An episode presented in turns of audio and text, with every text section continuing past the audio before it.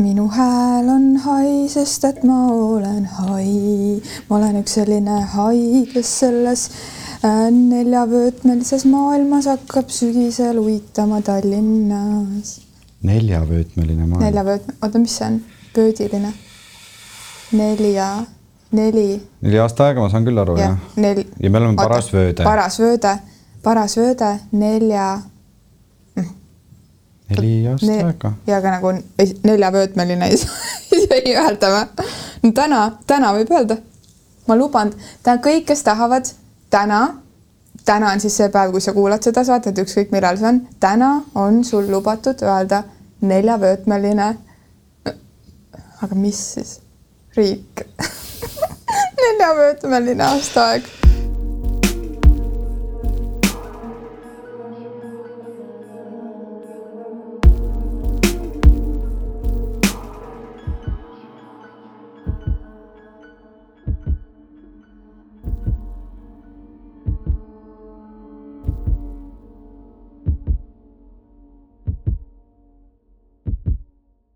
tere tulemast neljavöötmelisse riiki. Te kuulate podcast armastusest, meil on äh,, hakkame pihta siis. ja meil on äh, tere, head kuulajad, meil on esimene osa, kus on kätte jõudnud sügis. meil on tutrudu hooaja avasündmus täna. et äh, kõik te viibite, kõik te viibite podcast armastuse hooaja avamisel, siin on kohutavalt suur pidu meil on Elinaga siin riiulis pakk, kus on viiskümmend näomaski, aga me ei ole neid ette pannud ja me nägime ju sinuga viimati Hiiumaal mm,. kohtusime salvestusel. Isver, päriselt, see oli viimane kord või? ma arvan küll. Tõnu Õnnepaluga suvel. jah yes,, sest et edasi on juhtunud see, et äh, mina olen äh, lihtsalt teinud tööd ja tööd ja tööd ja tööd ja tööd ja siis mul eemaldati vahepeal pimesool. ja siis äh, tegin veel tööd ja nüüd veel tööd ja nüüd veel natuke tööd okay. ja siis ma olin täna, kuna mul olid vahepeal lapsed ka haiged, siis ma täna hommikul üle pika aja sain ka õue lõpuks ja nägin, et on sügis on saabunud, lehed on mm -hmm. maha tulnud ja tegelikult on väga sulnis ja mõtlesin, issand, kuidas ma tahaks minna metsa või rabasse või mere äärde või ükskõik kuhu, sest et mul on tunne, et ma olen viimased äh, kaks kuud istunud toas teatrisaalis või mõnel muul üritusel kontserdisaalis vaata, kui hästi tasakaalus meie saade ja tandem ikkagi on. ma just mõtlesin, et sina oled looduses olnud kogu aeg mina olen olnud ainult rabasmetsas ja mere ääres ja pole absoluutselt tööd teinud ja nüüd siis, kuna ma ei jõua enam nendele kirjadele vastata mm, -hmm. millal saaks teed juua üksi või kahekesi või kambaga ja, ja millal saaks joogatundi tulla, nii et ma, see on esimene teadaanne, avalik, olen endale rentinud pisikese ruumi, ma ei yeah. ütle, kus see asub, aga see asub äh, siin Põhja-Tallinnas. neljavöötmelises Põhja-Tallinnas. neljavöötmelises Põhja-Tallinnas ja ma hakkan tegema järgmisest nädalast jälle tööd.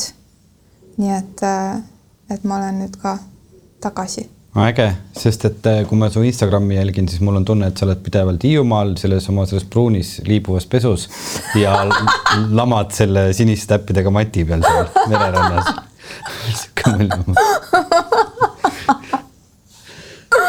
okei okay,, see oli liialdus, see oli liialdus, aga see oli tore. liialdus mm.. no vot, mm, mis siis, mis siis, teate, mis ma tahtsin saate alguses öelda või? et uus aasta algab äh, põnevalt. Äh, lisaks sellele, et oi, linduke on hakanud. ma just tahtsin öelda, et nii kõvasti siutsub. äge. või tuli meil? teeme korraks vaikust. ja ma kuulen küll klappidesse. ta vist tuli ka ütlema hooaja alguse puhul tere ühesõnaga hooaja alguse puhul on mul üllatus kõikidele meie Patreoni toetajatele. Äh, selles mõttes, et nüüd on võimalik äh, toetada meid niimoodi, et toetuse pealt on võimalik säästa. mida see tähendab? tegelikult on see, et äh, ma tean, et meil on hästi palju lojaalseid toetajaid, kes tahaksid meid selle asemel, et toetada iga kuu, näiteks toetada terve aasta ja siis Patreonil nüüd ilmus uus funktsioon välja, et kõik, kes tahavad meid toetada terve aasta, panna ennast kirja, terveks aastaks meie toetajaks saavad esimesed kaks kuud tasuta mm.. nii et tegelikult äh, matemaatikutele te hoiate kuusteist protsenti oma raha kokku, aga meile tähendab see see, et äh, meil on kindlus, et te olete meiega vähemasti aasta. tore. nii et te võite minna veebilehele patreon.com kaldkriips armastusest ja äh, teha seal natukene uurimustööd, et on võimalik enda pakett ümber sättida aasta peale ja praegu on just see õige aeg seda teha, sest uus hooaeg on alanud. ja nii tore on see ka, et ma olen vahepeal isegi Veikoid ja paar asja salvestanud Patreoni kuulajatele. nii et äh, hea meelega jagame toetajatele asju, mis peavoogu ei jõua. mul on natuke nagu selline tunne, et, et seal Patreonis saab nagu veel mingeid siukseid asju öelda, mida ma midagi, mitte kunagi ei ütleks mm, selles avalikus Spotify kanalis, nii et mingis mõttes see Patreon on niisugune nagu veel turvakoobas veel rohkem. jah, ja kes pole seal käinud, siis seal juba tegelikult on mõned asjad öeldud. kõiki, kõiki meie erisaateid sa, saavad ka uued toetajad järelkuulata seal Need on igavesest ajast igavesti ka uutele tulijatele kättesaadavad. vahepeal on, me oleme kuidagi pendeldades salvestanud tegelikult ju mitu saadet, aga lihtsalt me ei ole üksteist näinud. et sina oled salvestanud ja mina olen salvestanud ja nii tore on vahepeal olla ise ka saatekuulaja rollis ja saada ka see kuulamiselamus äh, kätte. et kuidas sul siis vahepeal läinud on, mis äh, see suvi on sinuga teinud? kas äh, kas see aasta on sind kardinaalselt muutnud, on meid kõiki muutnud, kui sa vaatad neid inimesi meie ümber. Kas, kas see kõhtähega asi, mis meid, oih, vabandust, kas see. see, mille nime ei tohi öelda. jah, see, kas see, kas see, mis see meiega teinud on, mis sinu, sinu nagu tähelepanekud on? ma arvan, et kõige rohkem mul on hea meel selle üle, et ma päriselt olen saanud sellist suve lubada endale, mida ma endale tellisin. et, ähm, et kui ma kevadel sain aru, et ma tahan see suvi puhata. kas seda, vabandust, on mingi kataloog, kus on nagu yeah. hobihall on? jah, universumi kataloog mm., äh, kus saab tellida ja suve ja kõiki neljavöödet nii et äh, ma tellisin endale sellise suve, kus ma saaksin olla töövaba teha ainult mõned, mõned asjad olulised, nagu meil oli suur naistepunalaager, mis oli, issand õigus, oli täiesti maagiline. ma ei tea, kas tahad kuulda sellest? ma räägin paari sõnaga, ükskõik, kas sa tahad või ei taha. et me olime sellel suvel äh, Pedassaarel ja, ja ma ei suuda siiamaani uskuda, et see oli selline asi, mis see oli et ma iga kord mõtlen meie naistepunalaagriga, et äh, täitsa lõpp, et selline töö on mul selline loomine, kus täiesti lihtsalt tekkis üks naisteküla paariks päevaks ja siis see ka haihtus. aga meil ei olnud ju see aasta ainult naistelaager, et meil oli naistelaager ja siis sellele otsa tuli meestelaager.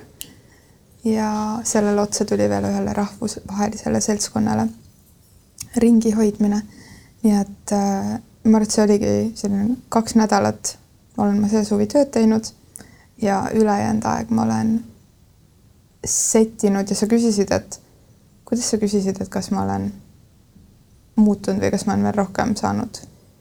no nii sinu kohta kui ka selles mõttes, et kas see aeg on neid inimesi mm -hmm. sinu ümber muutnud, kui sa vaatad neid inimesi? ehk et ma arvan, et ma olen veel rohkem endaks saanud, jumal tänatud, ja ma arvan, et äh, see aeg ja ajastu see eriline aeg, kus me elame, on kuidagi mulle veel rohkem kinnitust andnud, et see, mis ma teen, on, on õige, õige asi, mida mina pean tegema siin elus. ja võib-olla ma olen selle justkui vaikimise ajaga mingit julgust saanud oma mõtetele, mida ma olen plaaninud juba paar aastat, et võiks teha. või et kuskilt on hakanud mingi mõte idanema ja looma. et mingi julgus on julgus ja valmisolek on tekkinud, et luua selles suunas, mida ma olen plaaninud. Ja kui ma vaatan seda maailma ja teisi inimesi enda ümber, siis ongi mingi niisugune loomulik selektsioon tekkinud. et äh, on inimesed, kes lähevad hirmuga kaasa ja on inimesed, kes peavad seda keskme hoidmist kuidagi veel olulisemaks ja, ja ei anna vastutust ära, ehk et ka ise uurivad ja loevad ja kuidagi ei ole lihtsalt lambad, kes jooksevad mingis suunas, vaid on intelligentsed inimesed, kes mõtlevad ja uurivad ja kahtlevad ja julgevad küsida ja siis uurida veel, enne kui midagi otsustavad. nii et ma olen väga tänulik selle aja eest, ma arvan, et see on mõnus puhastus. täna hommikul just äh, tuli, vaatasin uudiseid ja siis seal keegi ütles, et praegu oleks nagu kõige parem aeg haigeks jääda, sest et immuunsüsteem on meil kõige tugevam. sest on olnud suvi. tulnud, et tegelikult võiks kõik praegu haiged ära olla, saaks sellest asjast nagu lahti, siis on kõik nagu haiged ära olnud ja siis läheme eluga edasi niisugune mõte siia vahele. ei, ei muidugi, haigeks ei tasu jääda, lihtsalt mul on niisugune tunne, et äh, see äh, suve lõpu ja siis nüüd ka need sügise alguse esimesed nädalad, et, äh, et üks pikk haige olemise aeg olnud, sest et see kõik algas pihta niimoodi, et et juba enne esimest septembrit äh, mina jäin oma pimesoolega haiglasse ja, ja lapsed ei saanud minna kooli ega lasteaeda, sest et tuli haigus ja siis, siis on natuke seal käia, siis tuli järgmine haigus ja siis nii me elame siin oma neljavöötmelises äh, kliimas, nii kui suvi läbi saab, äh, hakkavad mingid haigused tulema, et mitte, aga noh, ega ma ei tahtnudki sellest rääkida, vaid lihtsalt ma ei tea, niisama nüüd siin üks vanainimese jutt hakkab tulema, sihuke haige inimese jutt küll oleme me alles haiged inimesed. no jah, Veiko tahtis seda juttu rääkida, siis Veiko sai seda rääkida, aga ma hoopis tahaks tänada sind, et äh, seesama, mis sa enne ütlesid, et, et kuna me ei ole kohtunud, siis, äh, siis oleme saanud olla kordamööda kuulaja rollis. ma olen lihtsalt nii tänulik sinu ja Mari-Liisi saate eest, et ma tegin, ütlesin Veikole ka, et, et kunagi ammu, kui sa hakkasid rääkima, et, et sa tahaksid Mari-Liisiga salvestada siis mul oli kohe tunne, et Veiko tahab selle kahekesi ära salvestada Nad on ka, te olete ju kursakaaslased ka onju mm,? ja, ja. et, äh, et seal tunduski nagu mingi täielik oma vibe, et neil on vaja nagu omavahel vibe ida. Aga kuna mina ka Mari-Liisiga omasoodu omas tempos suhtlen, siis mulle alati tundus kuidagi, et ma tahaks kindlasti ka selle vestluse juures olla, sest et mind huvitab Mari-Liis ja salvestuse formaadis ei ole kohtunud ja no ühesõnaga läkski nii nagu oli, et Veiko salvestas Mari-Liisiga selle kahekesi ära ja jumal tänatud, jumal tänatud, sellepärast et see saade oli täiesti perfektne, kes ei ole veel kuulanud, ma nii soovitan Mari-Liisiga saadet järgi kuulata. järele? järele kuulata, sellepärast et ähm, seal oli nii palju mingisuguseid hetki, mis ma arvan, ma küll ei ole Mari-Liisiga sellest rääkinud, aga ma arvan, et ka Mari-Liis kuidagi üllatus, et need hetked kuidagi lõid või tekkisid, et või et ta lausus neid või et ta taipas neid saate jooksul. nii et hästi kuidagi värskendav ja oluline ja ja tõepoolest puudutas siis armastust, see teema, see no. saade, see osa ja ma väga tahaks teatrisse minna vaatama seda tükki ka minu terve see suvi on olnud äh, kuidagi seotud selle sõnaga armastus just tööalaselt sest et äh, kes juba jõudis Mari-Liisiga saadet, Mari-Liis Lillega saadet kuulata, et siis, äh, siis esimene armastus oligi see lavastus, mis räägibki esimesest armastusest ja kõigest muust ka. Ja, ja seal oli ju rohkem inimesi kui ainult mina ja Mari-Liis, vaid seal ka näitetrupp ja kunstnik ja teised inimesed, tegelikult Nelega me tegime ka saate, Nele oli meie kunstnik, et. Nele Sooveli. jah et, äh, et me oleme kuidagi selles teemas supelnud seal suvel mere ääres Viinistul ja, ja kohe läks edasi ka Vatt-teatriga Vabal laval Romeo ja Julia, mis on samuti ju üks suur armastuslugu, küll valmis kirjutatud, et see esimene armastus on niisugune puhas päris eestlaste lugu, et see Romeo ja Julia on selline Shakespeare'i kirja pandud äh, üleüldine nägemus siis armastusest, aga, aga lood mõlemad äh, väga kuidagi sellele lainele kandnud. Ja, ja eks see sügis siin ka nüüd jätkub, jätkub äh, taas mingitel huvitaval lainetel, et ma saan sellesama Romeo ja Juliaga ja mõne Shakespeare'i armastuslooga veel kokku puutuda, sest et äh, meil nüüd saade on nüüd eetris neljapäeval ja juba mõne päeva pärast äh, on mul esietendus Kuressaare Linnateatris, kuhu ma kirjutan muusikat ja seal tuleb siis lavale Shakespeare'i kogutud teosed, mis on äh, selline kolme mehe mängitud komöödia. ehk siis nad mängivad läbi kõik Shakespeare'i näitemängud äh, kahe vaatuse jooksul. ja noh, mida saab naljakamalt olla, kui parukaga mees peenikese häälega Roomeot ja Juliet mängimas ei no kindlasti on naljakamaid asju maailmas, aga no lihtsalt lihtsalt selline võimalus on ka, et tulla siis äh, Kuressaaresse, Kuressaarde muusikat kuulama ja ka lavastust vaatama. Aga pärast seda on tükk, tükki maad.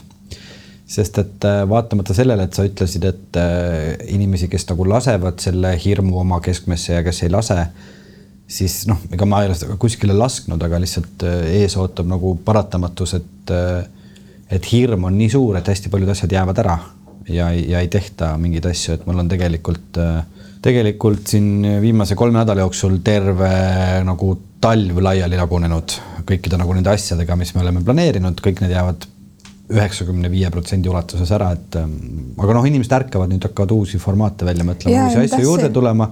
lihtsalt tüütu ongi see, et sa oled teinud nagu meeletu töö ära, siis see lastakse niimoodi korraks vetsupotist alla ja siis sa pead hakkama otsast peale kogu maailma uuesti leiutama.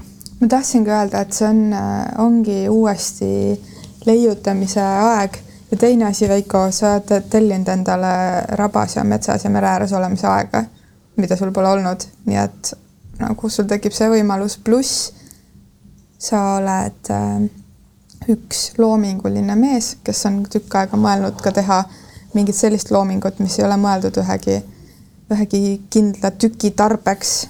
nii et äh, ma arvan, et äh, et see on just äge aeg sulle ka. ja, aga me elame siiski maailmas, kus äh, inimestel on pigem, äh, kui on valida, kas raba või raha nagu raba siis on no kuule, kui sa terve suvi teinud tööd, siis sul on raha olemas, nii et sul ongi aega natuke puhkamiseks. ei ole, tead, mis on kõige hullem selle asja juures või? selle asja juures kõige hullem on see, et äh, see asi, mida ma teen, seda nimetatakse Eesti Vabariigis hobiks. ja, ja, ja et sellega üldse kuidagi ära elada, selle jaoks peab seda tegema hästi palju, see on väga tore töö, aga väga vähe makstakse et äh, teatri tegemine on täiesti mõttetu, ma ei soovita seda mitte kellelgi, kes tahab kas nagu äh, oma pangalaenu maksta ja, ja lastele riideid osta, siis teatrit ma ei soovita, ärge teatrikooli minge, selles mõttes selle rahaga te ära ei ela. et äh, ja mul on väga tore töö ja sellest saab väga vähe raha, nii et äh, vaatame, kuidas selle rabaga on.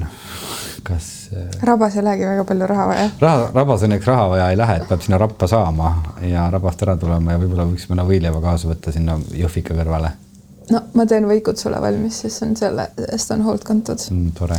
aga ja on, me oleme Veikoga al alati tekivad need hetked, kus on nagu ah ja oh matkal, et nagu ma ütlen mingi, ah mul matkast rõõmus meel ja siis Veiko ütleb, oh me ei eksinudki teel sul on meeles see repliik sellest, mulle kohutavalt väiksena meeldis see multikas mm, -hmm. ma ei tea, miks. mulle ka seljakotid. aga paljud inimesed üldse ei teagi seda multikat, mul on tunne, ma olen ikka mitmele näidanud seda, sa ei tea siis seda optimisti ja pessimisti mm. lugu või? oh jah, matkal, see on nii tore. ja, täiega, nende punnis seljakotid tulid mul silmade ette praegu. meid on kutsutud äh, ühte kohta, mille nimi on siin neljavöötmelises Eestis ja piirkonnas ja maailmas äh, Tartu. Tartus äh, toimub äh, selline asi nagu pood kaasterite festival. Aparaadio. pood ka, pood alguses. pood. pood, kaaster. pood, kast. jah yeah.. Äh, et Aparaadio festival toimub äh, novembris ja meid kutsuti sinna ja kui meile see kutse tuli, siis Veiko juba teadis, et, et tema ei ole tulemas ja nüüd on selline lugu, et, et mina ikkagi olen minemas ja sinna meil tuleb üks äh, äge külaline, keda ma täna veel ei ütle, kes see on. aga ma tean, et inimesed on äh, paari aasta jooksul, kui me oleme äh, armastusest podcast'i teinud, mitu korda kirjutanud, et nad tahaksid, et me just selle inimesega koos salvestaks. ja ka minul on ta listis olnud tükk aega ja ta tegelikult on ära öelnud mitu-mitu korda, et kas pole valmis olnud või pole tunnet olnud. ja nüüd ta ütles jah. nii et äh, ma ei tea, äkki ütleks, kes see on või? ma ei tea, me võime veel saladust hoida ja muideks on ka lugu selline, et äh, ma pole sulle seda veel öelnud, aga ma ei tea, võib-olla ikkagi ma ei tule, sest et mul nüüd hetkel see üritus jäi ju ära, mis mul pidi sellel kuupäeval olema, saime ka mõnda aega tagasi teada.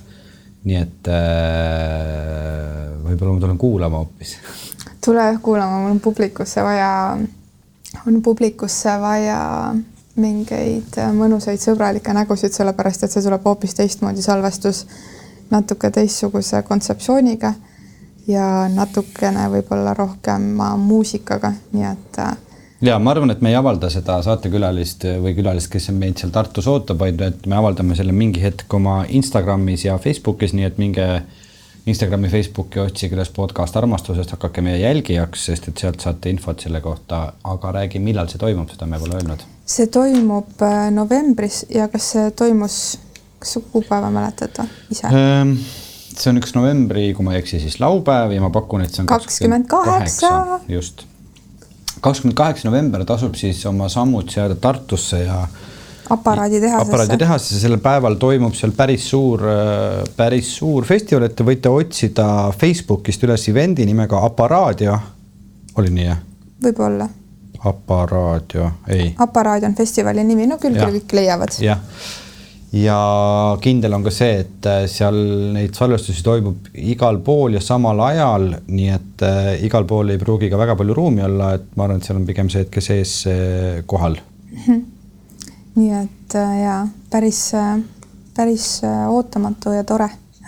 ja meie siis oleme Peninuki baaris oma salvestusega kaheksateist kolmkümmend, kahekümne kaheksandal novembril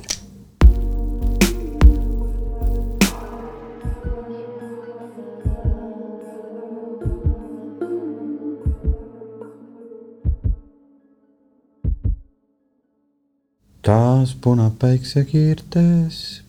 mis asi? pihlapuu. pihlapuu ja.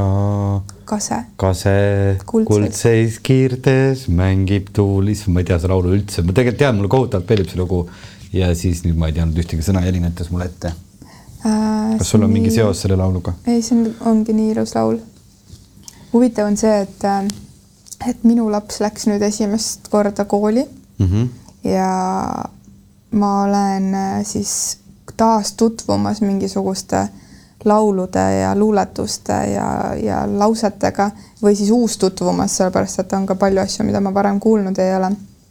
nii et, äh, et äh, mul on tunne, et, et lihtsalt see, et laps käib nüüd koolis ja tuleb koju ja on vaja vahepeal istuda koos ja vahepeal lasta tal omaette istuda, kodutöid teha, siis äh, mu sees toimub mingisugune ajarännak kuidagi nendesse kooliaegadesse ehk et, et ma ei tea isegi, kas see on kehamälu või mis kohad need on salvestanud mingisugused hetked ja ma avastan päeval kõndimas ja mind kummitab mingisugune nagu teresid ei ole iial mitte kuskil keelatud.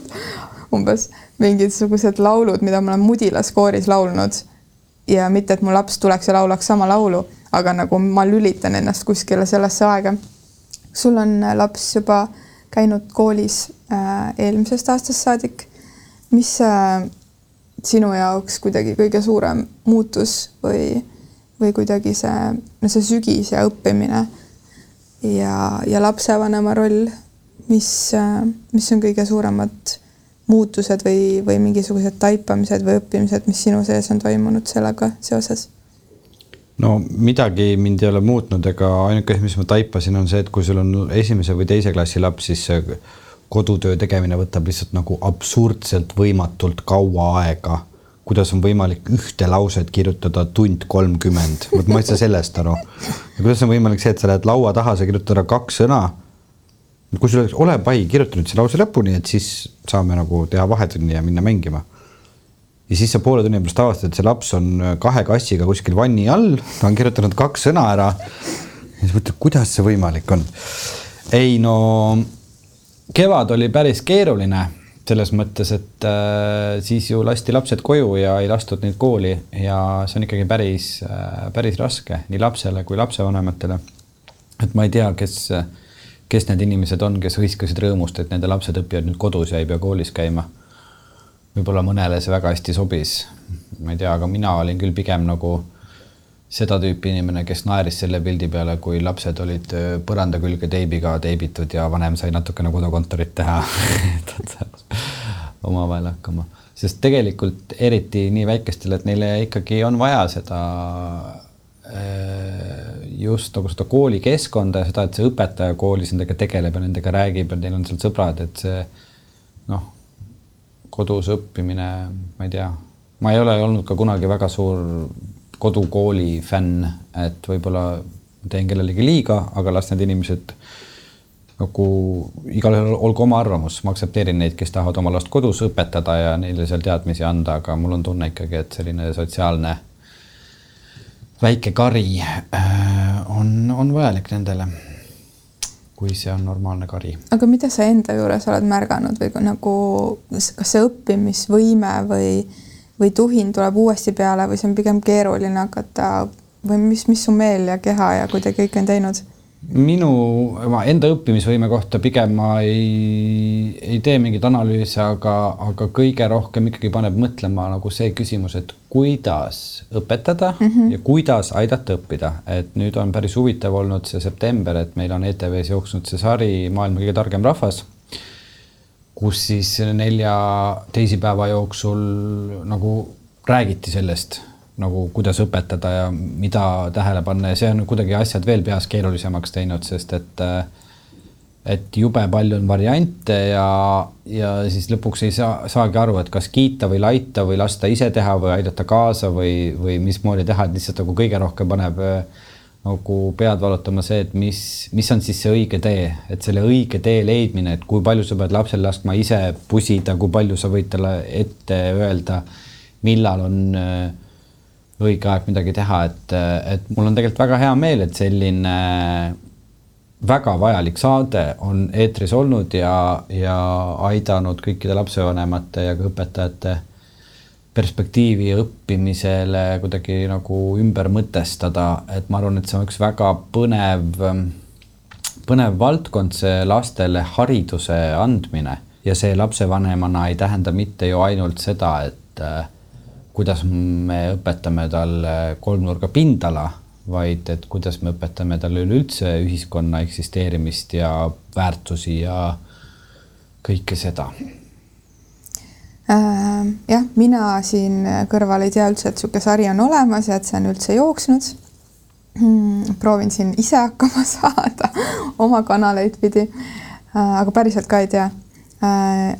ja ma tahaksin kahte asja öelda, mida mina olen nüüd selle septembri jooksul siis lapsevanemana, kelle laps läks kooli, märganud ja üllatus-üllatus, et eduelamus tekitab positiivse tunde ja tekitab õhina ja soovi veel rohkem õppida.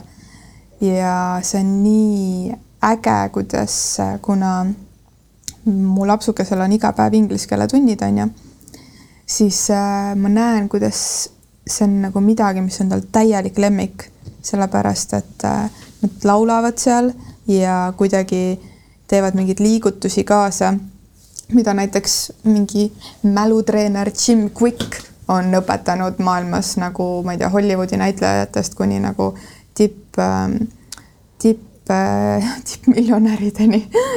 Äh, et kuidas asju meelde jätta ja kuidas meil inimesena, et meil on olemas keha, et meil on olemas mingisugused muud meeled, mida kasutada ja et kuiv tuupimine ei aita, aga noh, näiteks, et kui sa teed nagu selle koha peal mingisuguse kehamärgi või kuidagi kehamälus midagi kaasa või nagu ma arvan, et lavakas hästi palju näitlejatel ka, et et mingisugused etüüdid või asjad, mida on õpitud sõnu kuidagi mingisuguse muusikataktis või lauldes või, või hüpates või tehas, tehes mingeid liigutusi. et ma näen, kuidas lapsel ka see toimib. ja teine asi on see, mida, et kuna mulle endale nii tohutult meeldib lugeda, siis ma olen proovinud oma lapsele mm, selgitada, et et see lugemine on ikkagi midagi sellist, et kui sa selle lugemise selgeks saad, siis sul avanevad täielikud salamaailmad, et sul on võimalik lihtsalt kõnnid tänaval, et muidu sa mõtled, et sa lihtsalt kõnnid, onju aga näed, sul on võimalik lugeda, et see on Telliskivi tänav et sa ei olekski seda muidu teadnud. Äh, ja selliste väikeste asjadega. Äh, et võib-olla kõlas praegu nagu ma teen nalja, aga ma tõesti ka tänaval olen äh, Taarjale öelnud, et mõtle, kui sa saaksid praegu teada, kus tänaval me kõnnime, et sa ei saaks seda muidu teada, kui sa ei loeksid. ja siis ta ootab, millal see silt tuleb ja siis juba salaja proovib selle rutem ära lugeda, et ma, et mulle seda öelda ja siis seda mingit elevust näha. ja nüüd äh, mina siis tahaksin täna nüüd siin niimoodi aval-, avalikult siis teavitada, et, äh, et äh, üleeile õhtul mina nutsin niimoodi nagu no nagu pröökasin nagu täiesti, sest et ma olin nii õnnelik. mul oli nii suur rõõmutunne lihtsalt selles osas, et, et lapsel on kodu, koolis vaja lugemispäevikut täitma hakata ja siis on nii kohustuslikud kui soovituslikud raamatud. ja ta oli siis koolist kaasa võtnud ühe raamatu, mis tal tundus, et ta tahaks ise lugeda ja me siis õhtul koos Äh, voodis, siis lugesime seda selle asemel, et lugeda ette talle raamatut. ta ütles, et ta tahaks proovida minuga koos siis lugeda seda. ja ma siis julgustan hästi palju seda kõva häälega silbitamist, mis aitaks siis kuulda, mida, mida sa lausud, on ju, mida sa loed. Ja see julgustamine, mul on tunne, et niimoodi nagu päev-päevalt kannab vilja.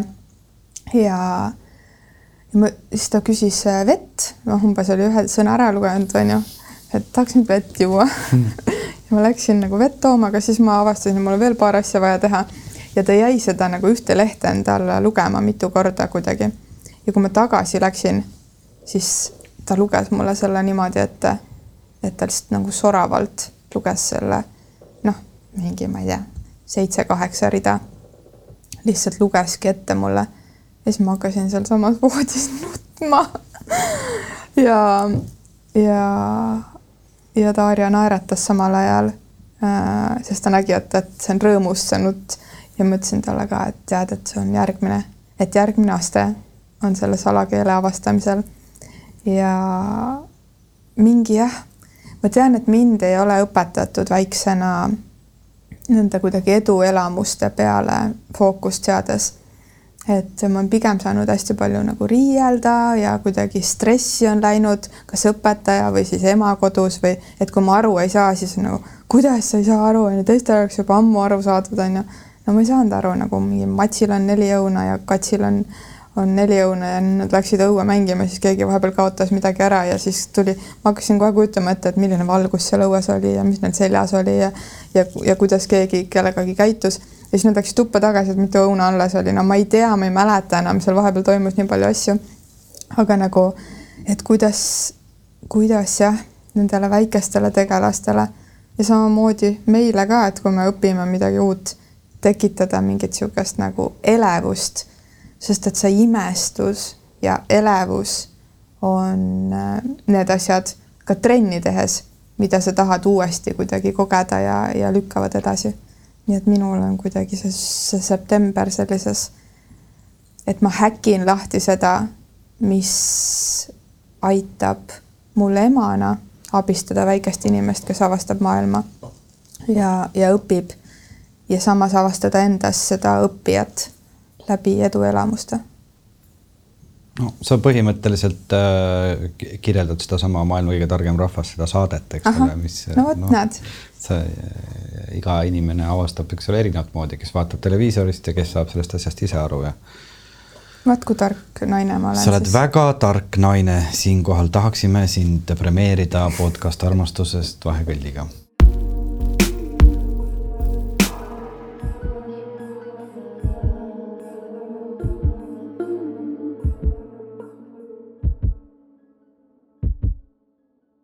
muideks eelmisel neljapäeval äh, oli eetris üks saade ETV-st, jälle ma räägin ETV-st, mille nimi on äh, Selge pilt. ta on tegelikult juba mitu osa eetris olnud ja väga soovitan vaadata, lihtsalt et äh, üle pika aja on ka siis nii-öelda peavoolumeediasse jõudnud üks saatesari, mis tegeleb vaimse tervisega.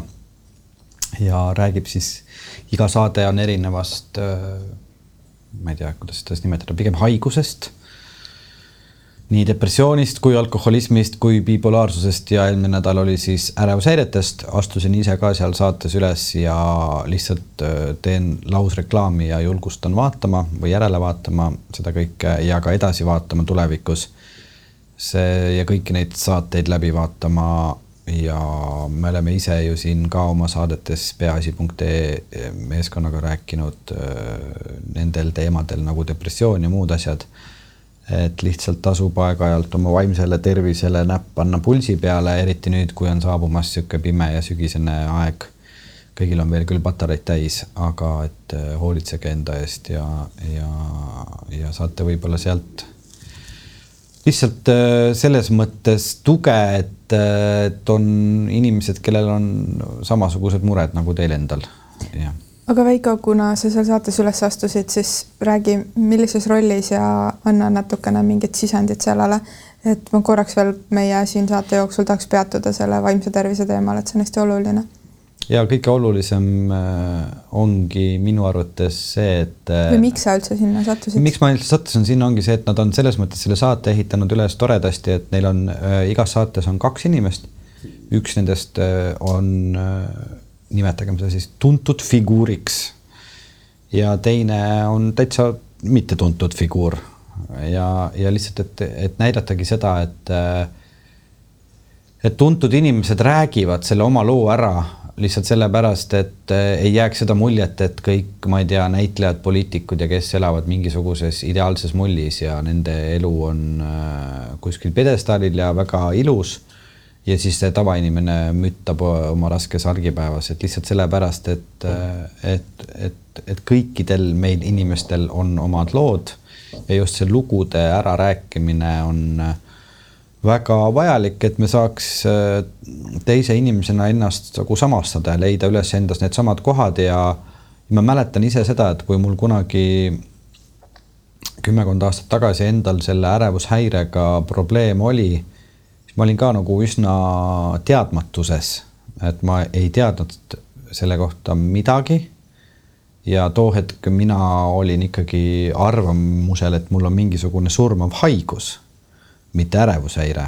ma olin ju, sest et see kõik väljendub ju füüsiliselt sinu kehas. seda, et sa ei saa õhtul magama jääda, seda, et su süda taob, seda, et sul on tunne, et sul hakkab infarkt tulema, seda, et sa võtad äh, arvuti ja guugeldad endale suhkruhaiguse, seda, et sa sõidad taksoga erakorralise meditsiini osakonda ja väidad, et sul on infarkt ja et su süda ei tööta või et sa helistad bussi pealt maha tulles kiirabisse ja kutsud endale kiirabi, sest su süda ei löö. et kõik sellised äh, ajus nagu vaimseid äh, probleeme tekitavad asjad selle ärevushäire puhul ja paanikahäire puhul väljenduvad füüsiliselt ja kui inimene ei tea sellest mitte midagi, siis ta lihtsalt ei teagi sellest mitte midagi. ja sellepärast ongi oluline kõike seda rääkida. Sest et äh, kõige selle jaoks on abi olemas ja see ei ole üldse tagantjärele öeldes, see ei ole üldse keeruline äh, seda abi leida. aga ütle kolm asja, mis on need mille poole vaadata või kolm, kolm abistajat või suunad vähemalt? no kõigepealt ma soovitaks ikkagi sedasama lehte peaasi.ee lihtsalt sellepärast, et seal on äh, hästi lihtsalt kogu see info kõige kohta olemas, kogu vaimse tervise kohta, mis puudutab nii depressiooni kui ärevust, kui sõltuvust, kui alkoholismi ja muid seda, et kui sul mingisugune mure endal või sõbral on, siis sealt saad sa põhilised suunad äh, kätte või saad üldse teada ja analüüsida iseennast, seal on ka testid olemas, saad teha lihtsalt testi, et äh, vahel sa ei teagi, mis sinuga toimub. Äh, sa ei teagi, et see on depressioon või et sa ei teagi, et see on ärevus. Et see on üks koht, kuhu on koondatud kogu info ja sealt saab nagu hea stardipaku. teine asi, mis on oluline ikkagi, kui sa oled aru saanud, et sul on midagi vaimse tervisega probleeme, on otsida professionaalset abi sest et üksinda on sellega ikkagi raske, võib olla raske toime tulla. noh, kuna seda ärevushäireid tegelikult äh, kõige hullema statistika järgi põeb kümme kuni kakskümmend kaheksa protsenti eestlastest, siis loomulikult igaüks nendest ei lähe professionaalset abi otsima. kui asi ei ole nii hull ja kui ei ole professionaalse abi all, ma mõtlen siis äh, psühhoteraapiat või, või psühholoogi, kelle juurde lihtsalt pöörduda perearsti kaudu kasvõi kui ise ei leia üles või, või uurida maad mõnelt tuttavalt, kes on kelle juures käinud ja abi saada. Aga kui sa oled selle kahekümne kaheksa protsendi hulgas, kellel see võib-olla ei ole nii hull, et sul on vaja äh, arsti poole pöörduda ja sul on tunne, et sa saad sellega hakkama, siis läheb asi veel eriti lihtsaks, et siis on need abivahendid sinu enda teha ja kõige suurem abivahend on, äh, neid on kaks, üks on liikumine ja päriselt liikumine, sest et minu, minu enda loos esimene asi, kui ma läksin psühhoteraapiasse, ütles mulle psühhoterapeut, et nüüd on niimoodi, et, et sa iga päev jalutad tund aega. ma mõtlesin, mis asi see on, ma tulen arsti juurde, mul on vaja, eks ole, ma ei tea, andke mulle see rohi, öelge mulle, mis mul viga on. et miks ma pean iga päev tund aega jalutama, see ei tee mind terveks, aga vastupidi, see sind just äh, kõige rohkem tervendabki jalutamine, kõige lihtsamad hingamisharjutused, mis sulle antakse, et sa saaksid lihtsalt üleüldse kasvõi maha rahuneda, kui sul tekib mingisugune hoog peale. ja kolmas asi, mida kõigil ei pruugi olla, aga mida, kui sul vähegi on, siis on sõber, kellega rääkida. et see on oluline ja kasvõi isegi mitte, sa ei pea nagu rääkima oma haigusest või sellest oma vaimsest tervisest, sa võid temaga lihtsalt rääkida või noh, veel parem on minna sõbraga jalutama see tund aega, et minu puhul äh, oli jah, see liikumine oli üks asi, mis tõi mind sellest rattast äh, välja. et ma olingi pärast lavakunstikooli kahe aasta jooksul, kahe esimese aasta jooksul teatris lihtsalt ennast nii üle töötanud, nii nagu stressi ja pingesse ajanud ja unustasin kogu aja ja enda ümber, et nüüd ma oskan seda oskan seda nagu hinnata, sest üks suur asi, mida ma selle protsessi käigus õppisin, oli ka ei ütlemine, mis oli minu jaoks kõige raskem asi maailmas, et ütelda mingist asjast ära ja öelda, et äh, ei, ma kahjuks ei saa seda teha, sest et üks hetk on vaja ka nagu iseendale aega. ühesõnaga jah, et äh, nii palju oskan ma rääkida ärevushäiretest, mis oli minu probleem sealt edasi läheb muidugi raskemaks, kui sul on juba sügav depressioon või, või muud asjad, et siis kindlasti professionaalse abi poole pöörduda. ja, ja miks ma küsisin ka su käest täpsustava küsimuse, on ka see, et ma ei ole ka sellest sarjast midagi kuulnud ja hea meelega, aga, aga lihtne põhjus on see, et no,, et kui ETV-st juba täna rääkida, siis ma olen ETV-s kunagi seitse aastat töötanud ja ka saanud ka sellest üledoosi mm. -hmm. nii et ma tegelikult vaikselt tulen tagasi ja meedial hoian ju silma peal siis, kui ma teen mingit, ma ei tea, kommunikatsiooniprojekti, et, et siis ma hoiangi silma peal ja ma tõesti olen mm, olnud praegu eemal. aga ma tahtsin öelda omalt poolt, sest et, et absoluutselt mitte kuidagi ei pea ennast terapeudiks. aga ähm, kuna meditatsioon ja, ja tee äh, teega meditatsioon on üks osa minu tööst. ja ma ju näen ka erinevaid inimesi või mingit lõiget nagu ühiskonnast. et kes millisel hetkel jõuavad, et siis minu, minu lihtsalt sellist kolm esimest soovitust ütlen siis, kuna me oleme avalik kanal, mitte professionaali soovitust äh, on, on äh, kõigepealt need, et kui sul isegi ei ole võimalik, kui sul noh, seda hetke ilmselt ei ole, aga kui sul ei ole võimalik minna peaasi kodukale, on ju, kui sul ei ole võimalik praegu lugeda, et, et ma lihtsalt olen ka viimaste kuude jooksul kohanud inimesi, kellel on ärevushäired äh, ja, ja näinud neid sellistes olukordades, kus ma ise olen ehmunud, et ma ei saa aru, mis nüüd juhtus sellel inimesel mm,. siis esimene asi on hingamine. et see hingetõmme ja see läheb natuke kokku ka selle õpetamise või laste või kõige sellega, et või ise õppides, kui tuleb nagu lähed närvi, lihtsalt nagu ajab juhtme kokku, et ei saa noh, et see laps ei saa seda sõna ära kirjutatud või ei saa seda lauset kokku loetud, on ju. siis võib, võib ka tulla rabedus sisse. et siis see esimene asi on see hingetõmme. ja ma alati tseremooniatel ütlen ka, et see on nagu üks asi, mida me kogu aeg teeme, lihtsalt, et elus püsida, samal ajal kui sa mind kuulad, on ju, sa teed hingetõmbeid. Ja me ikkagi nagu alahindame seda. Ja nii palju on ka niisugust nagu nii-öelda, mida iganes see kellegi jaoks tähendab, nagu vaimse maailma sketše tehtud, on ju, et astud ruumi ja siis keegi ütleb, et take a deep breath, on ju, et nagu, et võta hing, hinged, aga aga see on üks nagu kõige olulisem meeldetuletus üldse, lihtsalt hinga rahulikult, sügavalt ja seal on juba tulevad erinevad metoodikad, aga isegi kui sa mitte midagi ei tea, siis tõmba lihtsalt hinge. ja jalutamine ja liikumine ja sport on teine asi.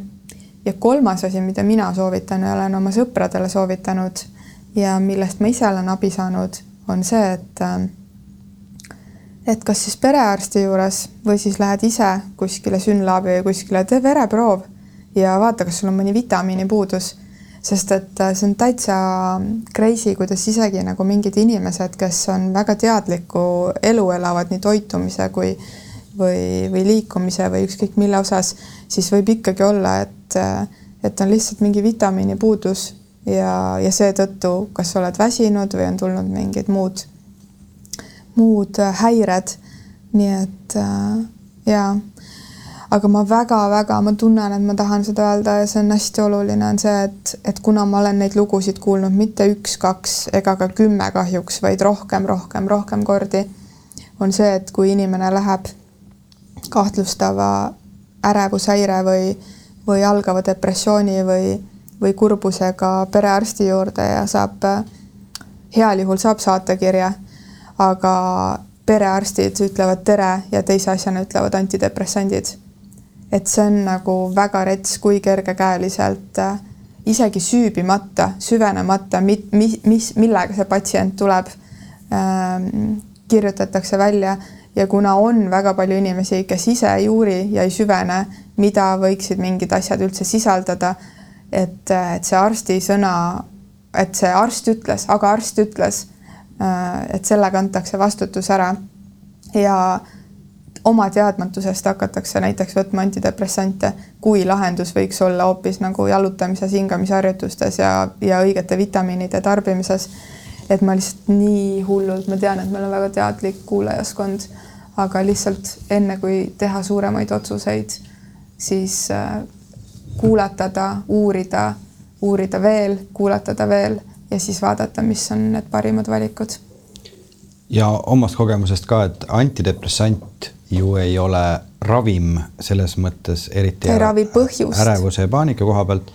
et äh, samal ajal, kui sa võtad antidepressantist, mina võtsin neid pool aastat, aga ma võtsin neid selle jaoks, et mu keha jääks uskuma seda, et mul ei ole midagi viga. aga samal ajal, kui sa neid võtad, pead sa tegelema psühhoteraapiaga ja otsima nagu, saama iseendast aru vahet ei ole, kas see on psühhoteraapia või see on mingi muu vorm või muu inimene, kellega sa sellest räägid aga et, et sa pead nagu iseendas kohale jõudma, et nendest asjadest aru saada. aga siia lihtsalt lisaks veel, et kogu aeg äh, räägitakse, et hingamisharjutus, et hinga, hinga, hinga. et mina, ma annan siin nüüd ühe väga hea soovituse ärevushäire või paanikahoo vastu, mille mina sain oma psühhoterapeudilt ja see ongi väga lihtne hingamisharjutus mida saab reaalselt igaüks teha selles hetkes, kui ta tunneb, et tal hakkab käest ära minema või ärevus hakkab peale tulema. seda, kui te näete filmides, et inimesed hingavad paberkotti, sellel on oma põhjus. Äh, lihtsalt sellepärast, et äh, see suurendab süsihappegaasi taset meie veres. Äh, ma ei, nüüd ei kutsu kedagi hingama paberkotti, aga annan ühe teise hingamisharjutuse, mis teeb sedasama asja et ta suurendab süsihappegaasi taset sinu veres. ja kui sa teed seda kaks kuni kolm minutit, siis sa tunned, kuidas sa rahuned äh, maha ja saad oma ärevusest lahti ja see on väga lihtne, kui sa oskad lugeda rütmis üks, kaks, kolm.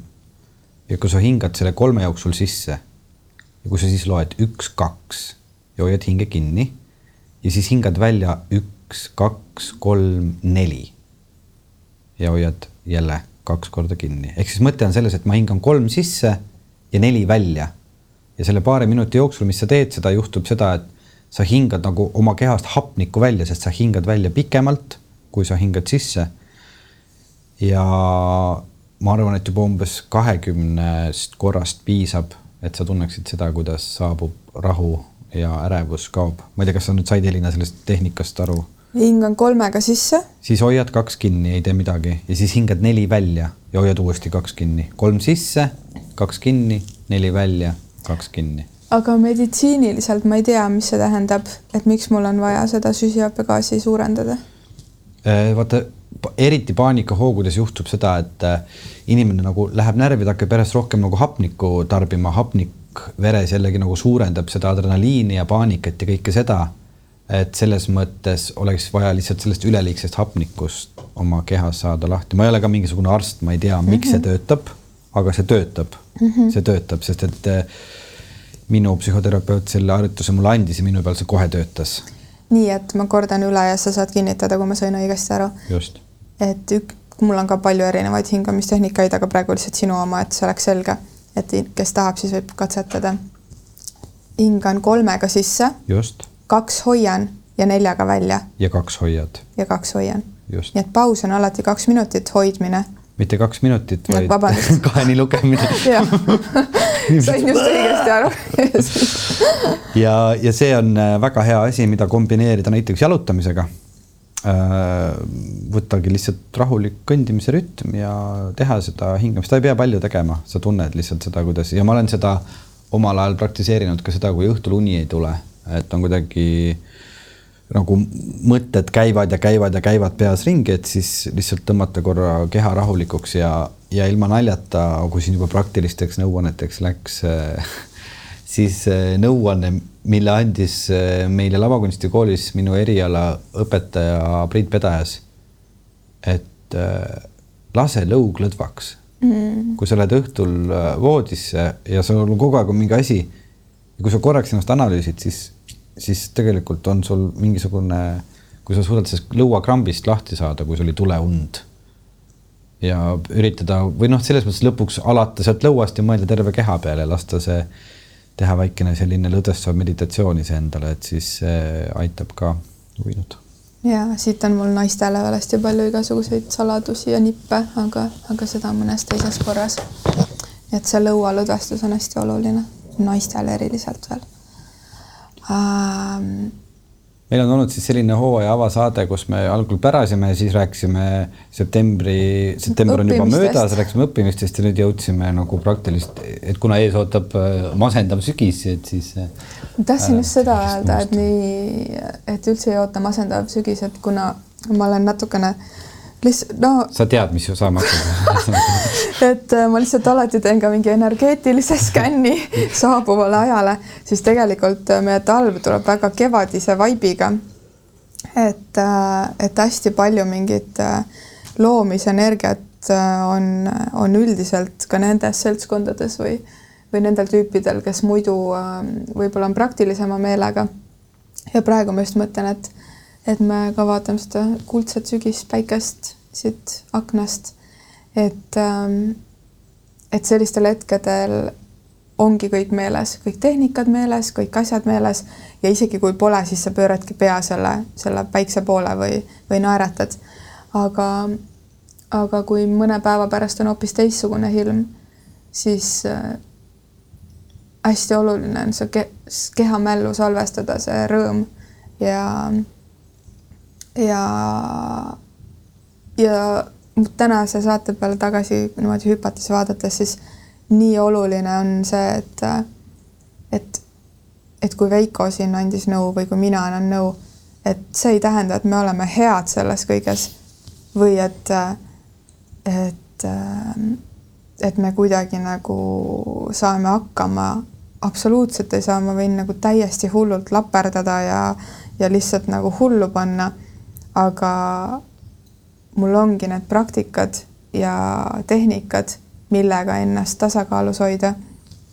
et, et igaüks peab lihtsalt ära tundma, mis on see tema, tema toetus. ja ma arvan, et väga sobilik on see hooaja avasaateks kõik need teemad läbi võtta. sest et, et need kõik kätkevadki endas ju seda sooja salvestatud suve, mis on olnud uusi õppimisi. Ja mul on nii hea meel, et ka erinevad brändid ja teevad oma kampaaniaid mõeldes vaimse tervise peale, et see on miski, mis, mis puudutab meid kõiki. ja ma arvan, et kümne aasta pärast ei olegi enam niisugust asja, kus räägitakse, et, et mingisugune vaimne, vaimne maailm või vaimne pool ja füüsiline et kõik teavad, et meil on kõik, we all have a spirit ja see ongi üks ja kõige eest tuleb hoolitseda, et see on lihtsalt midagi nii loomulikku, et hoolitseda oma tervikliku olemise eest. ja ma tahaksin väga vaadata seda, seda saadet ja seda Mille sarja. selge pilt. selge pilt või pilk? pilt. selge pilt sarja järele. Ja, ja õnneks on see suhtumine tõesti muutumas ja muutub, sest et äh, veel kümme aastat tagasi, kui mina oma paanikahooaja ärevusjärjetega ringi käisin, siis äh, ei olnud harv juhus, kui vanem generatsioon, äh, loominguline generatsioon väljendas oma arvamust, et nad ei saa üldse aru sellest, et mis asi see on, et võtke lihtsalt üks pits viina ja kõik läheb hästi mm. -hmm. et see ei ole kindlasti lahendus. vastupidi, see suurendab kõike seda aga jah, õnneks on see asi ühiskonnas muutumas ja rääkides sellest, et sa ütlesid, et tuleb kevadine talv, siis ma arvan, et äh, me oleme siin, meie ja võib-olla ka järgmine põlvkond on veel, kes saavadki võib-olla Eestis nautida sellist äh, mõnusat sooja sügist ja kevadist talve, et edasi juba hakkavad üleujutused ja muud asjad, et nautigem siis seda. Veiko lihtsalt tõmbab peale oma kriitilise meelega. ma ei ole, midagi ei, ei ole teha, kuna ma olen terve september hästi palju vaadanud ETV-d lihtsalt sellepärast ka, et ma olen operatsioonist taastunud ja olin sunnitud vahepeal lihtsalt mitte liigutama ja mitte midagi tegema.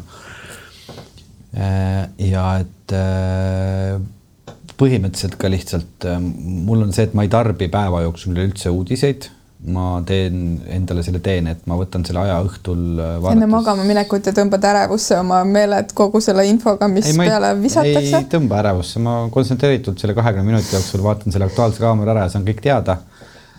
ja mitte ma terve päev ei ole mingi, vaata, mis asja Estonia, siis leiti mingi neljameetrine auk, laulukaar pandi põlema, nii tüütu on äh, päev otsa. eile ma, lihtsalt vabandust, et ma nüüd hakkan sellest rääkima, eile ma lihtsalt avastasin seda, et äh, et ma kogemata läksin Facebookis, oli mul see Delfi, see oli kell üks päeval kiri, et laulukaar pandi põlema. muidugi olin ma kohe uudistes, vaatasin, siis ma olin terve päev ja siis õhtul näitasid AK-s ka. mõtle, kui rahulik oleks mu päev olnud, kui ma oleks seda saanud alles õhtul teada. terve päeva olnud mõnus. aga nüüd, kui mina mõtlen nüüd selle peale, et kui sa tahad ükskord päevas uudiseid tarbida, et sa oled niisugune inimene, kes saab seda lubada, onju. mina saan lubada üks kord nädalas või mida iganes, onju. et ähm, et siis äh, parem oleks teha seda äh, mitte enne magama minekut. jep, aga see vist oleneb inimtüübist mm. et mulle, ma olen tänu sellele ärevus- ja paanikahoodest läbi tulemisele õppinud äh, enam mitte millegi üle ärevust tundma heas mõttes, et mulle sobib see õhtune uudiste tarbimine, et ma saan terve päeva poti kätte ja ma ütlen ja siis ma ütlen selle peale ahah et äh, mul ikkagi veab mõnes mõttes, et äh, ma vaatan inimesi enda ümber, kes elavad läbi uudiseid, kasvõi seda, et kuskil siin on äh, sõda lahti läinud, kuskil tegi keegi nii või keegi naa. ma kuidagi suudan selle võtta tõesti vastu ja öelda, et selge, nüüd on siis asi nii, lähme edasi, vaatame, mis saama hakkab aga mul on siis üks äh, nipp veel siia saate lõppu mm. -hmm. et kui mit, keegi midagi vaatab kuskilt et teadagi on, hakkab ka kogu selles neljavöötmelises piirkonnas. kui te teate, head kuulajad, mis sõna Elina tahab tegelikult kasutada, siis kirjutage meile ma, Facebooki või Instagrami. olen päris hea keeles ja ma arvan, et ma on mingi ka, sõna. on, on, on mingi väljend on, aga mina, mul ei tule ka meelde. oh, täitsa, ühesõnaga. nelisesoon, neljasesoonises, ma ei tea. et selles neljavöötmelises piirkonnas algab ka ju Netflixi hooaeg, on ju siis äh, ja mina ei ole sarja ammu vaadanud, aga ma olen viimase kuu aja jooksul natukene midagi vaadanud, aga ma tegin endaga kokkuleppe, et ma vaatan sarja niimoodi, et ma samal ajal võimlen. see tähendab seda, et inimesed tavaliselt lihtsalt vaatavad mingit totaalses lödevuses neid sarju, ei tee mitte ja ma mõtlesin, et see on täpselt see aeg, kus ma saaksin teha oma kätekõverdused, kõhulihased, plänkingut, äh, kõik harjutused niimoodi, et äh, et ma olen ise joogamati peal ja mul on see natuke kõrgendatud laptop pandud kuskile ja ma olen nii rahul sellega, ma ei suuda uskuda, et ma samal ajal saan oma harjutused tehtud. nii et äh, sihuke, et kui kedagi kõnetab, tahab katsetada siis äh, üks selline soovitus ka veel siia lõppu. nojah, selline ta siis sai, see meie ähm, hooaja avasündmus väga pidulikult, siin olid massid kohal, käidi läbi, toodi kingitusi. no selles mõttes, et kõik ju on meie hooaja avaürituseks kingitusi just meile saatnud hästi palju, lihtsalt ma ei hakanud teile ette lugema, mis need on, nii et saatke veel tahate kingitusi meile saata, siis kirjutage Instagramis või Facebookis, kuhu saata, kohe ütlen teile. Äh, tegelikult üks kingitus on tulemas, Elina, aga ma ei ütle, mis see on. Mm.. aga tegelikult äh, nii palju on inimesed äh, ikkagi üksikute lausete või kirjadena kogu aeg terve suvi vastu kajanud erinevatele saadetele, nii postkasti kui Instagrami, Instagrami isegi rohkem. Nii et aitäh, see on oluline, et iga kord, kui sa mõtled, et, et läks korda meie tegemine, iga kord, kui te, kui sa seda meiega ei jaga, siis äh, iga kord me ei saagi seda teada, nii et äh, hästi tore on kuulda, kasvõi kui need on mõned laused, et midagi on teile korda läinud, sest et äh, nii me saamegi teada, et, et te hoolite meie tegemistest ja meie ju teeme seda ainult sellepärast, et te hoolite nii et aitäh, et te olete olemas. aitäh, et see kuldne sügis veel kannab ja, ja üks asi veel, et, et me elame siin neljavöötmelises piirkonnas. kas ma võin saate nimeks panna ne Nelja... neljavöötmeline armastus? et me elame ju siin neljavöötmelises äh, armastavas piirkonnas ja mina olen kohe varsti kolmkümmend kuus aastat vana. nii et äh, seda, seda vöötmete, vöötide vahet, vahetust on saanud näha nii mõnigi kord, aga et iga aasta saab sellest rääkida, et oli suvi, oli soe, et tuleb sügis. nii et see on ka põnev, kuidas me jaksame ja, ja võiks äkki ära õppida siis, et kuidas siis võtta seda suve kaasa ja jaotada seda selle kaamuse peale. nii et päris tore õppimine on see inimeseks olemine. ja uue hooaja puhul siia lõppu üks üleskutse ka. Mm, meil on selle suvega tulnud juurde hästi palju uusi kuulajaid, seda näitavad ka meie statistikanumbrid ja ja meie uutel saadetel, mõndadel on juba esimese kuu jooksul rohkem kui mitmeid tuhandeid kuulamisi, aga siit üleskutse, et äh, kui sa tahad mõnele oma sõbrale kingitust teha, siis maini talle sellist asja nagu podcast armastusest või soovita talle mõnda oma lemmikosa.